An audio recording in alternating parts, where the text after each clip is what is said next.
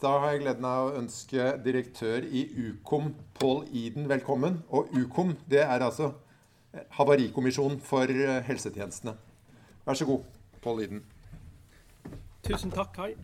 Um, og tusen takk for at jeg får lov å bidra inn på dette seminaret. Eh, jeg har mye på hjertet, og 20 minutter går fort. Så jeg kan ikke gå i dypet eh, på veldig mye, men kanskje gi dere et lite innblikk. Og så kan en bli mer nysgjerrig på å lese den rapporten som vi lagde etter denne såkalte Kongsberg-tragedien. Eh, og den, en del andre rapporter som treffer psykisk helsevern, som vi har utarbeida i den korte tida vi har fått lov å være virksomme fra 2019 og fram til i dag. Eh, og da er vårt oppdrag det, det er slik at vi skal se litt sånn overordna eh, på de alvorlige hendelsene som dessverre fra tid til annen treffer helsetjenesten generelt, og, og, kanskje i denne sammenhengen det psykiske helsevernet spesielt. Og Vi skal ikke gå inn og, og, og si noe om hvem som har skyld og ansvar. Det er det, det er det, allerede for mye av, tror jeg. At, den, at den, det er mitt, jeg har tatt det Jeg tror, ja, ja, det er godt.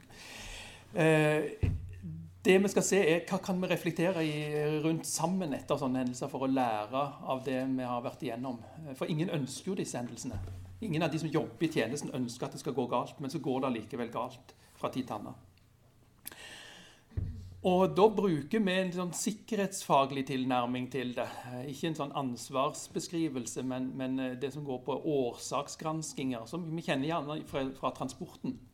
Eh, jeg tror I helsetjenesten så, så, har det vært veldig mye sånn når noe går galt, så er det fordi det er noens skyld. Og det er ofte de som står nærmest pasienten, som har skylda. Og så, så, finner en ut hvem var det som hadde skylda, så setter en to streker under det, og så sier en eh, da er saken løst, og da har vi lært. Sånn er det jo ikke.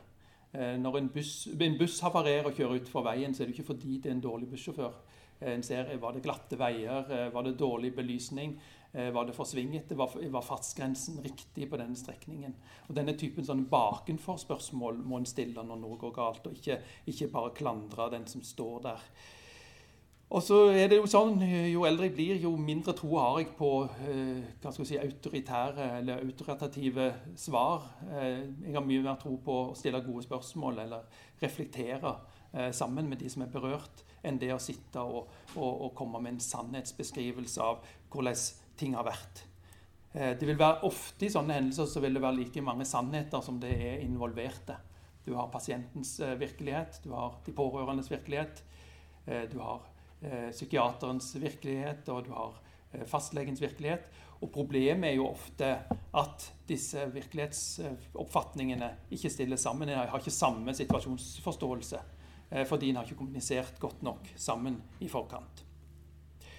Så vi ser på er det, er det noe som kan gi læring her. Og, og jeg, jeg tenker at vi har gått inn i flere eh, ulike hendelser, ikke bare som dreier seg om, eh, om vold på offentlig sted eller alvorlig eh, psykotiske pasienter som, som, er til fare. Eh, vi har òg eh, sett på dette her med eh, hvordan står det nå til med pasienter? Det er den siste rapporten vi lagde. Hva er grunnen til at de med alvorlig psykoselidelse lever 20 år kortere enn oss andre? Eh, og Det er jo ikke fordi de tar livet av seg eller fordi de utsetter seg for, for fare for å bli skutt av politiet. Det skjer av og til.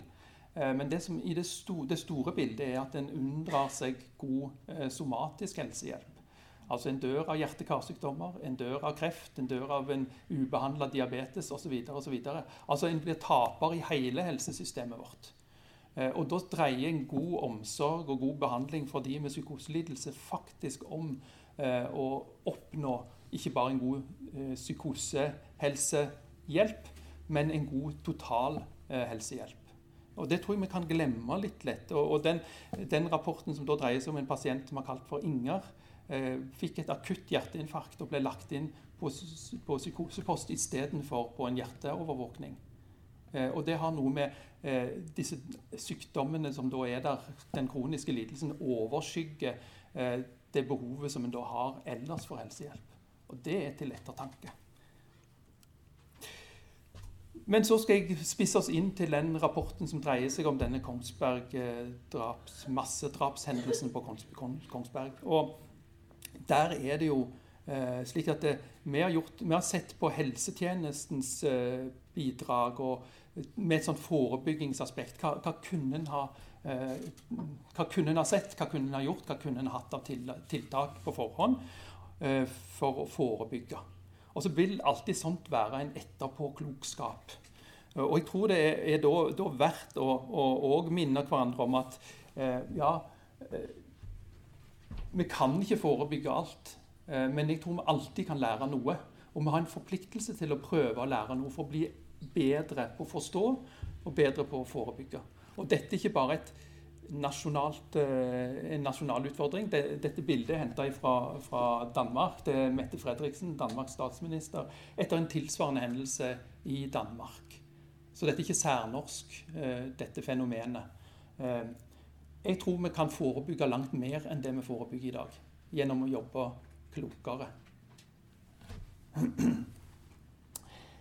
Ja, og så er det en pågående diskusjon om øker dette i frekvens, dette med drap og, og vold begått av pasienter med psykotisk lidelse. Og det, i, i, sommer så kom det en, en, en ganske god sånn, uh, artikkel da, i det lille tidsskriftet Idun som ser på akkurat det, og konkluderer vel med uh, at jo, trolig har dette økt noe de siste årene. Og, og i alle fall så har vi ikke klart å forebygge denne typen drap i Norge. Mens med et, lav, med et lavrisikoland med tanke på drap sånn totalt, så har dette gjenstått som en, en type eh, drap som vi ikke har klart å, å, forebygge. Så det gjør jo at vi har en forpliktelse tenker jeg, til å eh, søke kunnskap. Eh, og så er det jo sånn at når noe veldig galt skjer i samfunnet, så har òg eh, befolkningen behov for svar. Og så er det ikke alltid vi finner svarene, men vi må ha noen mekanismer. Eh, og det har vært eh, faktisk noe av det som jeg tenker er viktig med, med Ukom. Det er å gå inn og søke noen svar fordi folk ønsker svar. Finne mening i det meningsløse, så å si. Eh, og, og det kan på sitt beste bidra til å forebygge nye hendelser. Ja, hva er det vi så har sett? Vi ser det at selv om vi har hatt en oppbygging i det psykiske helsevernet de, gjennom de siste 20-30 årene, så, så, har vi faktisk, må vi si det at vi, kom, vi, når ikke fram til de aller sykeste, de med aller størst behov, med god psykiatrisk helsehjelp og god somatisk helsehjelp. Og Da er spørsmålet hvorfor er det slik? Hvorfor har det blitt slik? Og den andre er at pasienter, selv de veldig alvorlig syke med en alvorlig psykoselidelse, som er også i en aktiv fase, eh, med eller uten rus, får lov å gå under radaren. Eh, altså blir, blir, på en måte usynlige for oss i helsetjenesten over lang tid. Når det gjaldt eh, På Kongsberg så var det to år denne pasienten fikk lov å gå rundt og surre i sine egne tanker, for å bruke et sånt begrep, uten at noen egentlig visste hvordan han hadde det. Og Det er jo et paradoks når så, pasienter med så stort helse, behov for helsehjelp faktisk får lov til å, å, å eh, gå uten å bli eh, sett og forstått. Og så er det den tredje, tredje funnet vårt, da, at tjenesten er blind for de pårørende. Hva mener jeg med det? Altså, Pårørende har tre viktige roller. For det første så har jo pårørende et behov for helsehjelp sjøl, og faktisk rett, rett på helsehjelp sjøl. Eh, psykoselidelser rammer ikke bare den enkelte pasient, det rammer hele familien. Det tror jeg vi har glemt. Eh, det andre vi har glemt, det er at de pårørende er faktisk den beste kilden til å eh, til å forstå pasientens situasjon her og nå. Altså informasjonskilden. Eh, den tredje aspektet med pårørende er at de er faktisk bærere av helsehjelpen. Ofte. Altså, og jeg formulerte det slik at jo vanskeligere det er å få samarbeid til med en pasient, desto viktigere er det å få et samarbeid rundt pasienten. Og, og forskning viser at eh, god familiebasert terapi er virksom behandling for psykosepasienter, men det er ikke tatt i bruk. Og hvorfor er det slik? Det er jo et spørsmål.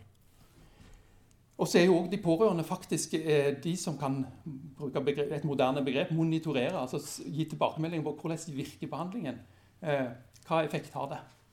Uh, og pårørende må se litt vidt på noen altså Dette er jo vanskelige relasjoner. Noen har brutt, brutt med sine biologisk nærmeste, men de vil ha land, uh, et eller annet nettverk, og vi må spille på dette nettverket.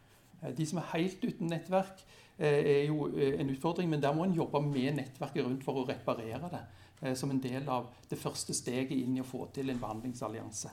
Og, og den typen jobbing Eh, nettverkstenkning rundt pasientene er det altfor lite av. Og jeg tror vi jobber uklokt, og dermed så blir, blir eh, de valgene vi foretar, òg eh, ukloke. Og så, Hvorfor er det blitt slik, da? Og så har jeg sett på, på noen sånne mega, vi kaller det for megatrender i helse- og omsorgstjenesten. Fra paternalisme til autonomi. Fra veldedighet til rettighet. Fra familieretting til individretting. Eh, fra generalistkompetanse til spesialist, eh, subspesialist, eh, superspesialistkompetanse. Fra innleggelser til poliklinikk. Fra oppsøkende tjenester til bestillermodeller som, som rir hele helsetjenesten. Nå snakker jeg om både den somatiske og den psykiatriske helsetjenesten. Fra variasjon til standardisering. Og, og, alle Disse trendene er jo noe vi er for, for dette sikrer på en måte et grunnlag. Eh, men, men, det er forskjell på å tenke på ubegrunna variasjon og begrunna variasjon. For disse pasientene de trenger begrunna variasjon. Så han på en måte kaster ut den begrunna variasjonen òg, på sett og vis. Og det som er nå i ferd med å skje, fra analoge til digitale tjenester, eh, og fra rutinekontroller til selvmonitorering, og fra fysisk frammøte etter hvert til en sånn virtuell helsetjeneste. Og alt dette ønsker vi, for dette tenker vi dette er framtidsretta, dette går rette veien. Og helsetjenesten blir bedre og bedre for meg. Altså, jeg er 60 år. Jeg har stålkontroll på timeboka mi. Jeg har trygg økonomi. Jeg har ikke en uforutsigbar dagsform som gjør at eh, jeg våkner om morgenen og ikke klarer å møte på diabetespoliklinikken fordi jeg er så psykisk dårlig den dagen. Jeg klarer det. Eh, jeg har eh, mulighet for å planlegge framtida mi og, og, legge inn ting som da skal skje i helsetjenesten. Men så er det ei gruppe, da. Eller det er flere grupper. Men ei gruppe som i alle fall ikke har det på stell, det er de med en psykoselidelse. Som mangler alt dette. Og jeg er litt redd for når vi, når vi da utvikler helsetjenesten, denne helsetjenesten i den for, for, så vidt en positiv retning, da må vi ha noe mer og noe i tillegg for denne gruppa. Eh, hvis ikke så treffer vi ikke de som er aller sykest, og som har aller størst behov for helsehjelp. Og Det er paradokset helt sånn overordna, tror jeg, i helsetjenesten i dag så kan jeg ikke gå så veldig mye dypere, for tida er jo sånn litt uh, utilstrekkelig her. Uh, jeg begynte vel litt fem minutter seinere enn jeg skulle. Kan jeg få lov å gå fem minutter? Jeg får 20 minutter, ja. Uh, noe av dette har jo Randi allerede vært inne på. Psykos, psykosen er langvarig, en langvarig lidelse. Med rus blir den enda mer langvarig og enda mer krevende. Men behandlingen er akutt. Akutt intervensjon, Det matcher jo ikke. Um, og så er det noe med dette med voldsrisikohåndtering og farevurdering som har blitt en veldig sånn, sånn øyeblikksorientert virksomhet, og ikke, ikke, har lagt inn i seg hva om pasienten ruser seg, hva om pasienten blir uten bolig, hva om foreldrene ikke orker mer, han havner på gata osv. Hva skjer da? altså denne her, se, se heller på disse risikofaktorene enn å, å tenke eh, høy, lav eller middels fare for enten selvmord eller for, eh, for vold, voldsatferd. Eh, og jeg tror nok òg at dette med farevilkåret det har blitt opplevd av Det baserer seg på intervjuer med, med vedtaksberettiga eh, leger og psykologer. At farevilkåret sitter litt langt inne, for det oppleves som stigmatiserende. Eh, og da spør jeg meg, Er det mer stigmatiserende å bruke farevilkåret enn å, pasientene, eh, enn å la pasientene gå uten helsehjelp? Og, og når, en bruker, når, en ikke bruker farevilkåret, så vil jo òg grunnlaget for helsehjelp, i alle fall mot pasientens nåværende samtykke, forsvinne når en blir vurdert som samtykkekompetent. Så der tror jeg vi har feid en del under teppet med å være såkalt snille med pasienten og ikke vil belaste dem med å, sette ord på det som det faktisk de sliter med. Eh, og så tror jeg òg vi tenker for snevert om helsehjelpen. Eh, det at den skrives ut hvis en, ikke, ikke ønsker medisinering, og det ikke er grunnlag for medisinering på tvang, så sier en gjerne formulerende at ja, nå er det ikke behandlingsgrunnlag hos denne pasienten, og pasienten skrives ut. Men behandling er jo så mye mer enn medisiner. Eh, hva med eh, individuell jobbstøtte, med å ha en miljøarbeider som kommer og banker på døra hver eneste dag og blir avvist dag én, dag to, dag tre, dag fire, men som står i det over tid. Som følger med på hvordan er situasjonen. Og plutselig en dag så ja, ja, så blir jeg med og ved da, i dag.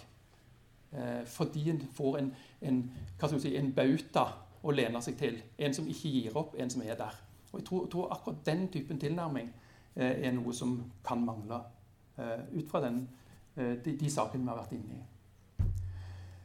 Beslutningsgrunnlaget Og dette henger litt sammen med en, si, det som kalles for en, en, et overslag av, av taushetsplikten. En, en, tror at taushetsplikten òg skal begrense hel, he, ansvarlig behandlers eh, mulighet for å hente inn relevant og nødvendig informasjon om pasienten.